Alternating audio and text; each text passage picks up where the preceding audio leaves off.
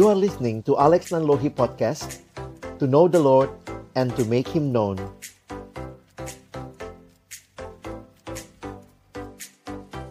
Berdoa sebelum membaca merenungkan firman Tuhan. Kami datang dalam ucapan syukur malam hari ini Tuhan. Karena sungguh Engkau setia Karena itulah kami dimampukan untuk setia.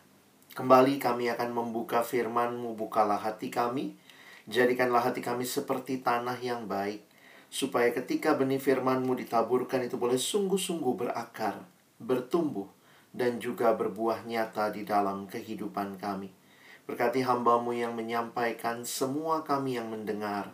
Tuhan tolonglah Agar kami bukan hanya jadi pendengar-pendengar firman yang setia, tapi mampukan dengan kuasa, dengan pertolongan dari rohmu yang kudus, kami dimampukan menjadi pelaku-pelaku firman-Mu di dalam hidup kami, di dalam keseharian kami.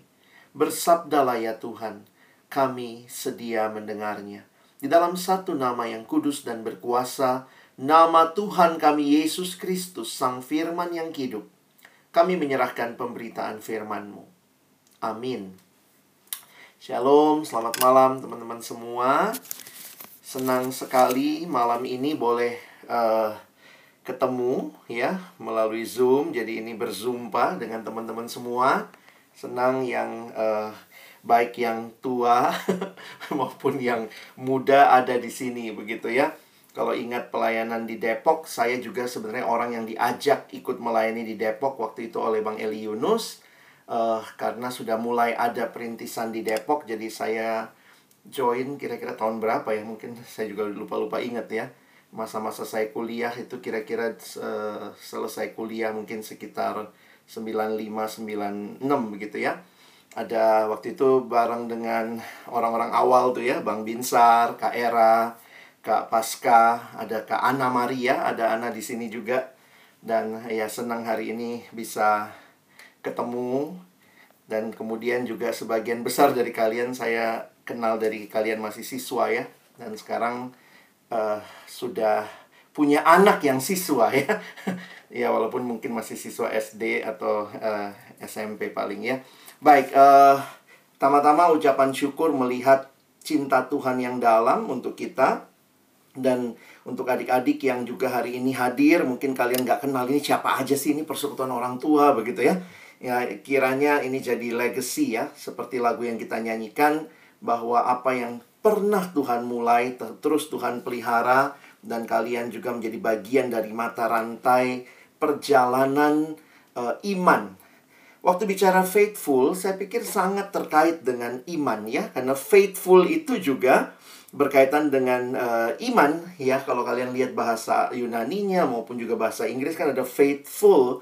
Kita menerjemahkannya setia, tapi bagian yang penting dari faithful itu adalah beriman. Jadi tetap beriman, saya pikir itu bagian penting kita mengerti tema ini. Dan seperti doa saya tadi, kita hanya mungkin setia karena Tuhan yang telah lebih dulu setia bagi kita. Nah, hari ini mungkin saya pakai pemahamannya ini lebih lebih kepada refleksi ya. Waktu saya coba persiapan, Tuhan seperti arahkan saya untuk uh, mengajak teman-teman merefleksikan, khususnya buat teman-teman yang sudah alumni begitu ya atau akan segera alumni berkaitan dengan kesetiaan.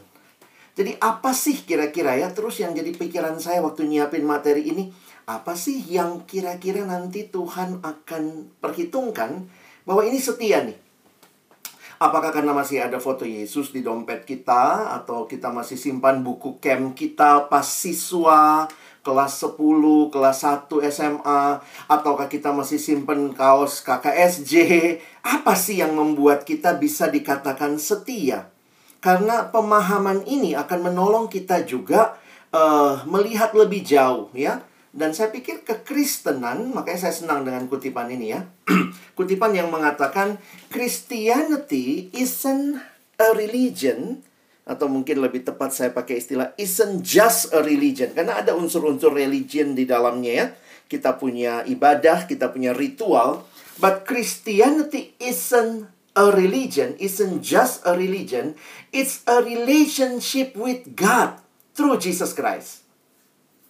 Kekristenan bukan sekadar agama, walaupun unsur agama ada di dalamnya, tetapi lebih dalam lagi adalah sebuah relasi dengan Allah melalui Kristus. Nah, karena itu mengukur relasi, gimana kan caranya kita mengukur ini relasinya sudah setia atau tidak gitu. Tuhan mendapati kita setia, maka uh, ukurannya bukan ritual gitu ya. Bukan uh, berapa kali ke gereja, berapa kali saat teduh, itu perlu tapi bukan itu ukurannya. Kesetiaan diukur dalam pemahaman relasi. Memang kita tahu ya, hidup baru jadi penting buat kita yang sudah dibina. Makanya ini generasi GPS ya, posisi sangat penting. Pastikan dulu sejak awal, makanya siswa masuk, kita lakukan penginjilan di mana dia ada, di dalam dosa kah? Atau sudah ada di dalam Kristus? Tapi kemudian kalau kita ingat visi yang kita terima dari Tuhan khususnya untuk pelayanan perkantas adalah menghasilkan murid Kristus.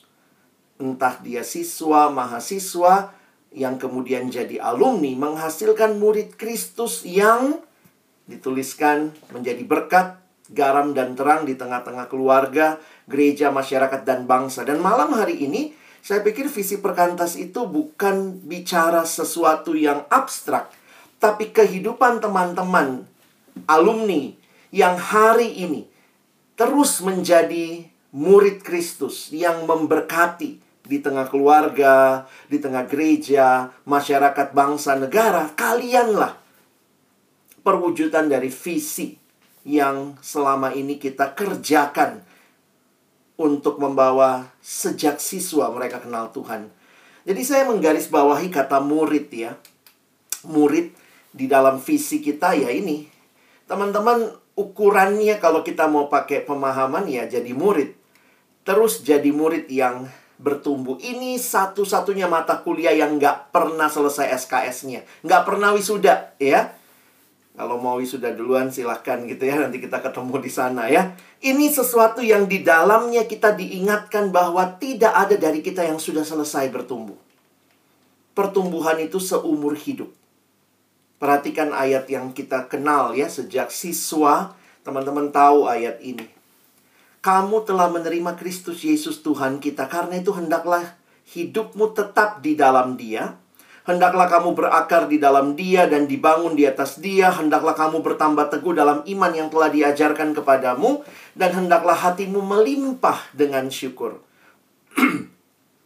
Ayat ini dengan jelas menunjukkan kepada kita bahwa terima Yesus itu bukan akhir hidup Kristen. Kita nggak sekadar menghitung berapa yang terima Yesus pas KKR siswa, pas KMPI di sekolah, pas pipa keliling. Bukan itu sekadar ukuran keberhasilan pelayanan karena terima Yesus justru awal hidup di dalam Kristus. Perhatikan ayat 6. Kamu telah menerima Yesus Kristus. Kamu telah menerima Kristus Yesus Tuhan kita. Tapi nggak berhenti di situ. Karena itu. Nah perhatikan ya. Karena kamu sudah terima Yesus, hendaklah hidupmu. Nah Paulus pakai seluruh gambaran yang sangat unik tentang pertumbuhan. Paulus ini jago, dia menguasai banyak wawasan, jadi dia bicara soal uh, pertanian. Hendaklah kamu berakar di dalam dia. Bertumbuh bukan hanya kelihatan di luar, tapi akarnya ada. Lalu dibangun di atas dia. Dia bicara istilah sipil, seperti sedang membangun. Bertambah teguh dalam iman yang telah diajarkan kepadamu.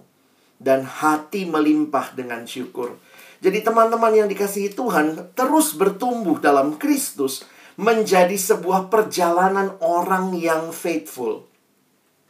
Faithful bukan nostalgia. Oh dulu dia rajin banget pas siswa. Dulu pas TPS dia rajin banget. Tapi itu semua dulu. Kita tidak bicara nostalgia. Kerohanian itu bicara masa kini. Wah, dulu kita datang sebelum siswa datang. Kita atur ruangan. Siswa pulang, kita masih tinggal. Wah, saya luar biasa. Dulu siswa belum datang, saya datang. Siswa sudah pulang, saya masih di sekre. Saya ngurusin ini, saya rapat segala macam. Tapi kalau itu semua adalah rencana-rencana indah atau kenangan indah masa lalu, itu bukan kesetiaan. Kesetiaan bukan bicara saya pernah setia. Karena itu adalah sebuah proses yang ongoing. Kenapa ini penting? Ya, saya mau sedikit ingatkan soal bertumbuh ya. Makin belajar firman Tuhan, makin melihat banyak sekali aspek yang saya pikir Tuhan terima kasih. Karena paling tidak teman-teman sejak siswa kita diingatkan. Contohnya ya, kalau kita lihat uh, surat Petrus. Sebenarnya menarik sih ya, surat 1 dan 2 Petrus itu ada konteksnya. Jadi kalau teman-teman memperhatikan pada waktu itu, ada dua ancaman yang terjadi ketika Petrus menulis suratnya. Yang pertama tuh ancaman dari dari luar. Ini berupa penganiayaan dari pihak-pihak yang memiliki kebencian terhadap Tuhan Yesus dan para pengikutnya. Dan uniknya mereka bencinya kenapa? Karena perilaku murid-murid yang saleh. Kalian bisa baca di kitab 1 Petrus ya. Dan ancaman yang kedua ini ancaman dari dalam berupa ajaran-ajaran sesat yang merusak iman orang percaya. Bukankah itu realita dunia? Teman-teman dan saya hadir dalam dunia yang tidak semuanya suka dengan nilai yang kita pegang.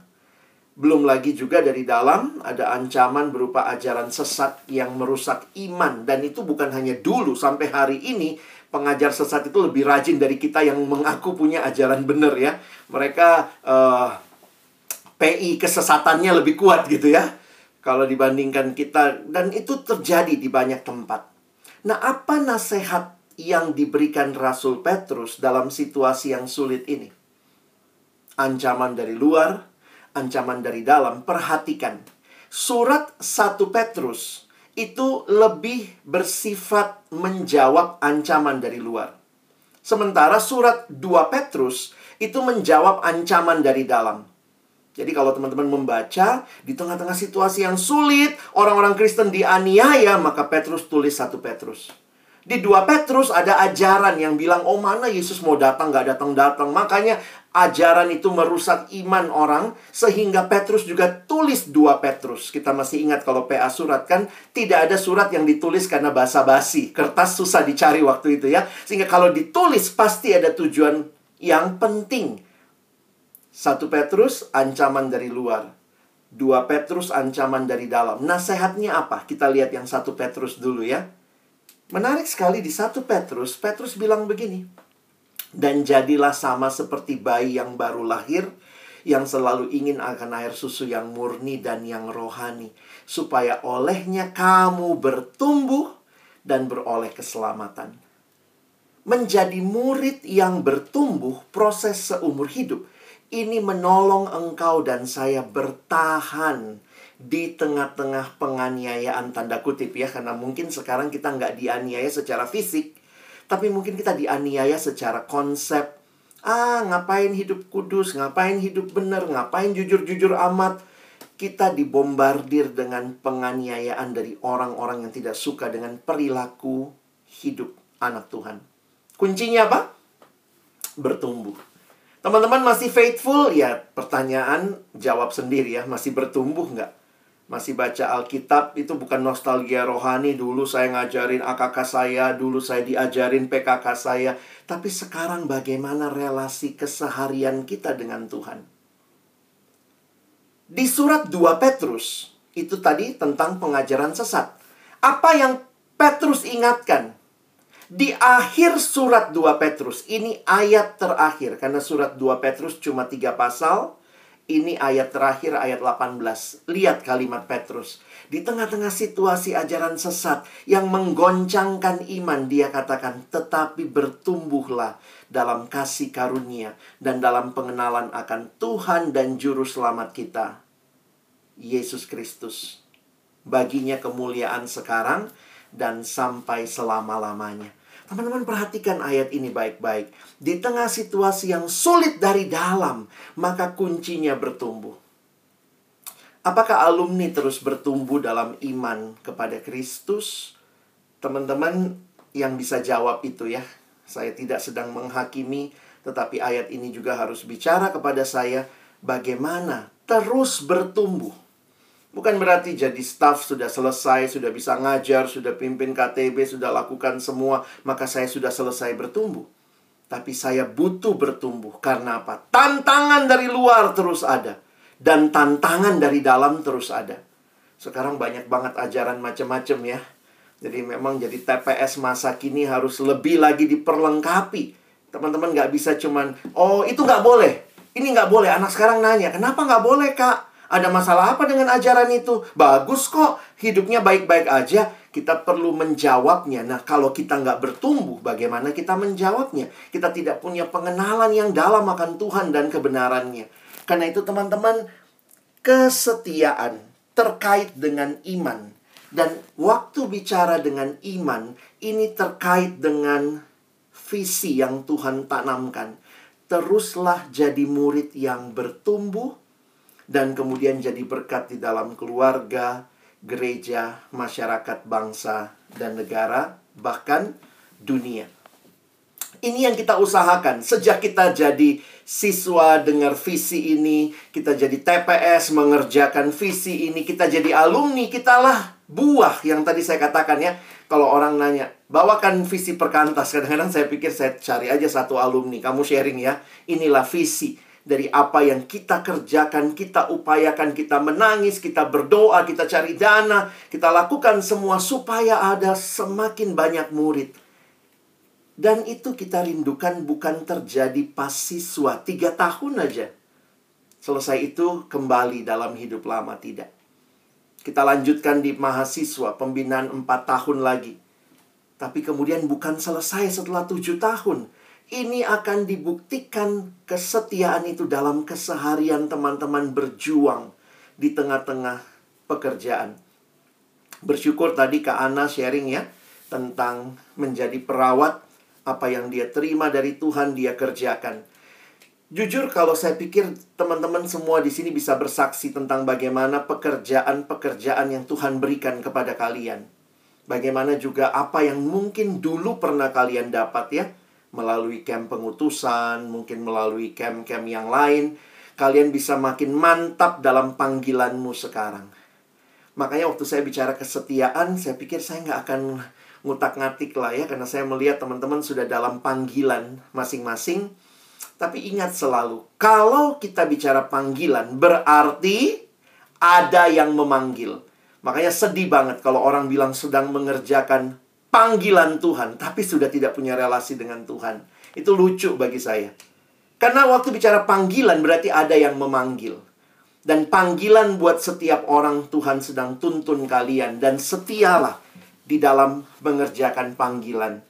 Jadi di dalam hidup kita punya panggilan khusus ya. Ini saya coba, uh, saya baru baca satu buku ditulis oleh John Stott dan dia bilang panggilan khusus adalah panggilan yang Tuhan berikan secara khusus kepada di individu yang berbeda untuk mengerjakan bagian dari pekerjaan Allah yang besar. Nah, teman-teman masih setiakah?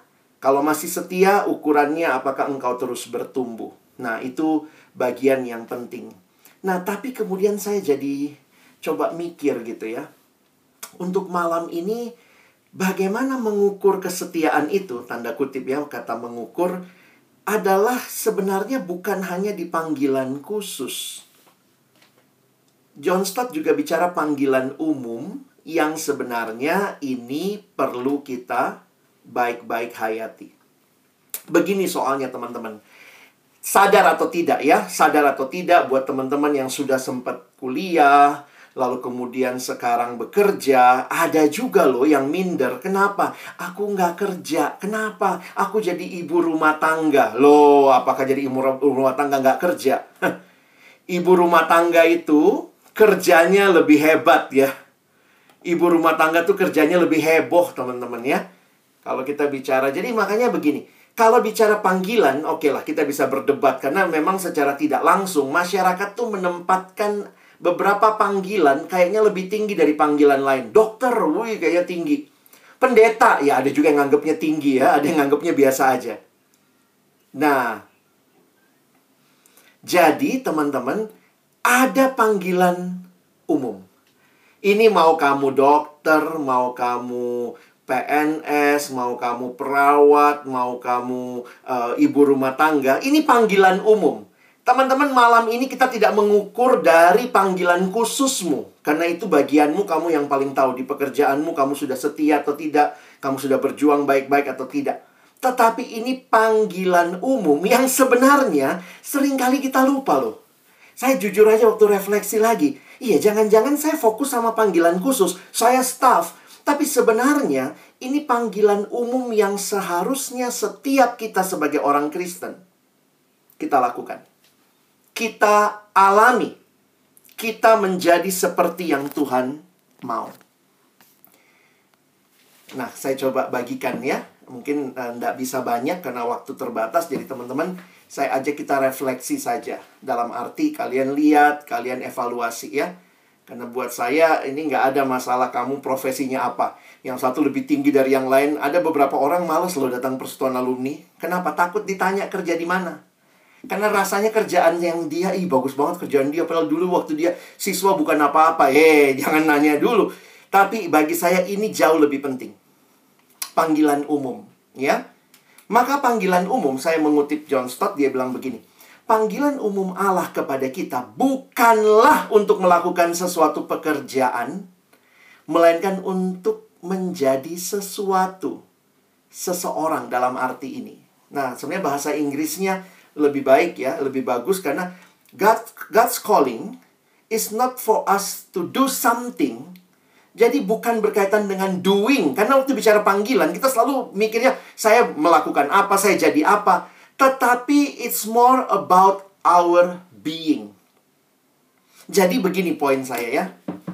Kalaupun kamu dokter, kalaupun kamu ibu rumah tangga, bukan apa yang kamu lakukan yang penting, tetapi kamu jadi orang yang semakin seperti Kristus nggak? Itu bagi saya kesetiaan Ketimbang saya jadi dokter yang baik tapi ternyata di rumah marah-marah, di rumah pukul suami, pukul istri. Itu bukan itu, bukan menjadi sesuatunya yang penting. Tetapi yang jauh lebih penting adalah beingnya.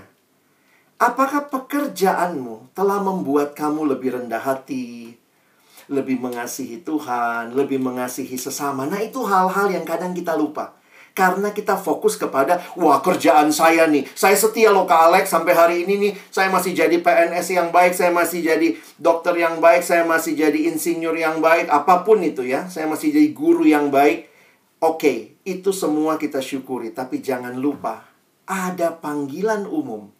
Dan kesetiaan bagi saya jauh lebih penting bicara being more than just doing. Secara cepat, John Stott melihat tujuh hal, ya.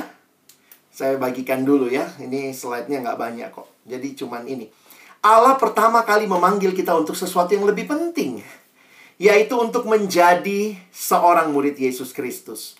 Untuk menjalani kehidupan baru di masyarakat barunya dan di dunia. Jadi, kalau seorang bertanya kepada kita, menarik ya kalimatnya. Apa panggilanmu? Jawaban kita yang pertama dan benar bukan masalah jadi apa, jadi apa ya KPU kita kan bicara jadi apa, jadi apa. Tetapi aku dipanggil untuk menjadi milik Yesus Kristus. Ada tujuh hal yang harusnya kelihatan dalam hidup kita yang dipanggil Kristus. tujuh hal ini teman-teman bisa lihat ya. Kita dipanggil untuk bersekutu dengan Kristus Kristus kita dipanggil untuk merdeka, untuk damai, untuk kudus, untuk bersaksi, untuk menderita, dan untuk kemuliaan. Kita lihat ayatnya saja. Pembahasannya saya akan kasih beberapa komentar saja. Tapi evaluasi hidup kita. Mungkin kamu berhasil di pekerjaan, makin jadi berkat di kantor. Tapi jangan-jangan kita nggak makin merdeka loh. Jangan-jangan makin terikat dosa karena banyak uang, dosanya juga banyak ya. Waktu siswa tuh dosanya ya tipis-tipis lah ya. Kenapa? Nggak banyak duit. Udah jadi alumni, dosanya bisa banyak. Kenapa? Karena uangnya sudah banyak, kira-kira begitu ya. Nah, coba kita lihat yang pertama. Kita dipanggil untuk bersekutu dengan Yesus Kristus. Mau kamu apa pun profesimu. Kamu dan saya tetap dipanggil bersekutu dengan Yesus Kristus. Saya cuma ibu rumah tangga ke Alex. Sama. 1 Korintus 1 ayat 9. Allah yang memanggil kamu kepada persekutuan dengan anaknya Yesus Kristus Tuhan kita adalah setia. Dia panggil kita. Jadi John Stott mendaftarkan semua ayat yang ada kata panggilnya dan dia ketemu tujuh hal ini. Teman-temanku, kamu makin setia nggak bersekutu dengan Kristus? Saya sibuk banget. Kerjaan saya luar biasa. Ini kan juga pekerjaan yang Tuhan bukakan visinya waktu KPU zaman kapan gitu ya. Oke, okay, it's good. Tapi ingat, kalau kamu bukan dokter lagi, kalau kamu bukan perawat lagi, kalau kamu bukan guru lagi, kalau kamu bukan siapa-siapa, kamu dipanggil untuk apa sih?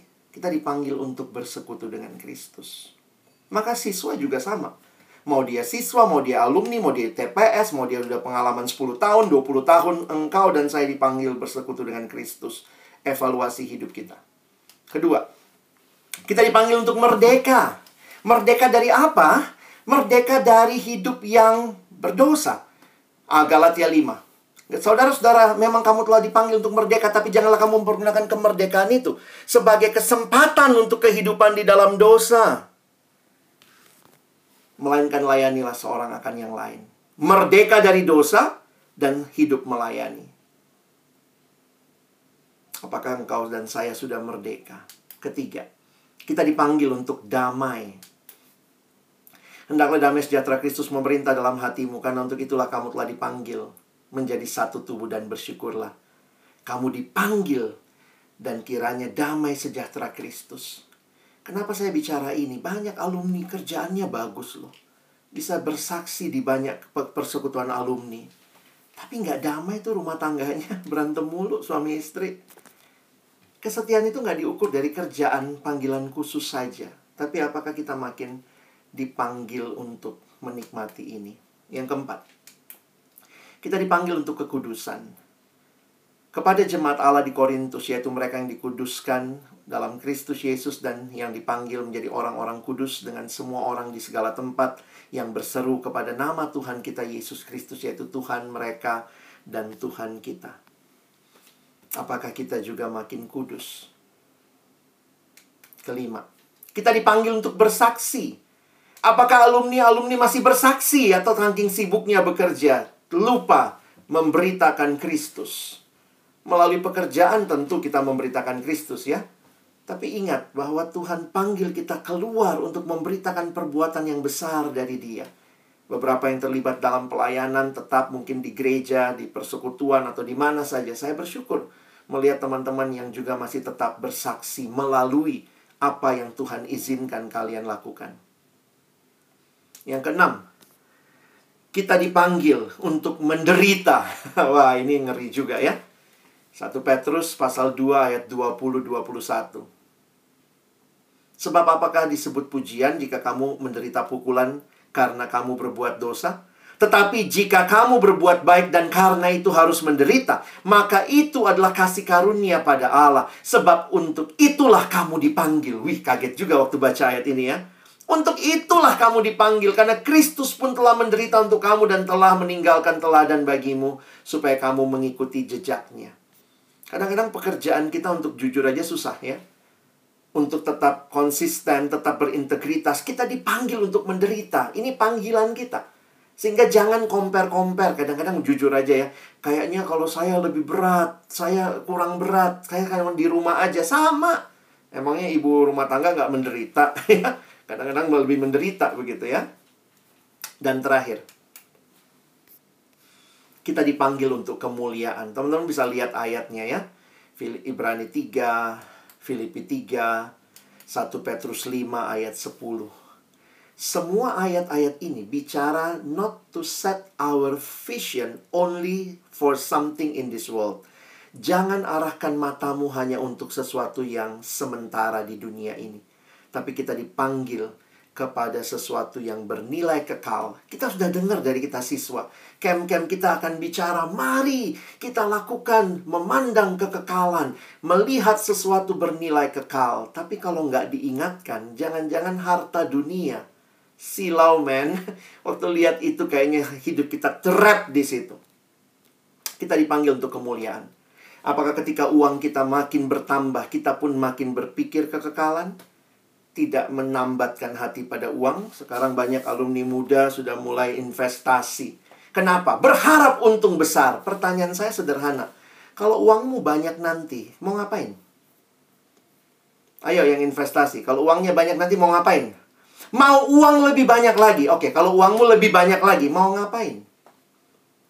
Jangan-jangan makin banyak uang kita, kita makin pelit juga sama pelayanan ya. Mungkin begitu juga. Kalau kita hanya memandang sesuatu yang sementara, maka pertanyaannya, apa yang kita bagikan? Kesempatan kita kumpul-kumpul begini kan bukan cuma buat diri kita ya. Tapi saya juga dengar kerinduan kalian untuk berbuat sesuatu mendukung pelayanan siswa. Maka ya, ya, mari kita dukung untuk benar-benar terus bertumbuh. Karena apa yang kita sudah nikmati, biarlah melalui karya Tuhan dinikmati juga oleh generasi selanjutnya. Apa yang kita sudah dibentuk dan kita sedang hidupi sekarang. Tuhan juga sedang membentuk para siswa. Apa yang jadi dukungan teman-teman? Doa? Apakah kita bisa ambil satu dua waktu dalam minggu setiap hari, setiap minggu untuk mendoakan pelayanan siswa? Mungkin kita mendukung lewat dana, silakan. Atau ada yang mungkin masih bisa memberi diri. Saya pimpin lagi dong satu KTB siswa. Beberapa teman alumni di gereja saya lihat dulu ada yang melayani remaja, jadi pemimpin kelompok kecil di remaja. Kalau tuh lihat begitu, bisa juga lu jadi pemimpin di siswa gitu ya. Apa yang bisa kita lakukan untuk membawa generasi berikutnya juga? Bukan hanya jadi apa, jadi pekerjaannya apa, tetapi jadi pribadi yang seperti apa yaitu pribadi yang makin serupa Kristus. Kiranya perenungan tentang kesetiaan ini akan menolong teman-teman dan saya juga untuk terus berjalan di dalam kehendak Tuhan. Ingatlah, Tuhan menyertai kita. Dia sudah memulai, dia terus setia memimpin kita menjadi pribadi yang semakin serupa dengan Kristus. Amin. Mari berdoa. Tuhan terima kasih banyak karena Engkau peduli dengan seperti apa kami berubah hari ke hari. Tuhan peduli bukan saja dengan apa yang kami kerjakan bagi Tuhan, bagi sesama, tetapi dengan hidup kami yang kami rindu. Terus makin mengerti apa artinya bersekutu dengan Tuhan, apa artinya hidup merdeka apa artinya hidup dalam damai, hidup dalam kekudusan, hidup bersaksi, hidup yang bertahan dalam penderitaan. Karena memang itu bagian yang Tuhan izinkan kami alami. Dan hidup yang memandang kepada kemuliaan. Tuhan semakin baik pekerjaan kami. Semakin berhasil kami di pekerjaan. Semakin berhasil kami di rumah tangga. Biarlah kami tidak lupa bahwa kami dipanggil bukan hanya untuk melakukan sesuatu, tapi untuk menjadi seseorang yang semakin serupa dengan Kristus. Terima kasih, biarlah pada akhirnya kami didapati setia, karena Engkau sudah setia terus membimbing hidup kami. Kami bersyukur menutup firman-Mu dalam nama Yesus kami berdoa. Amin.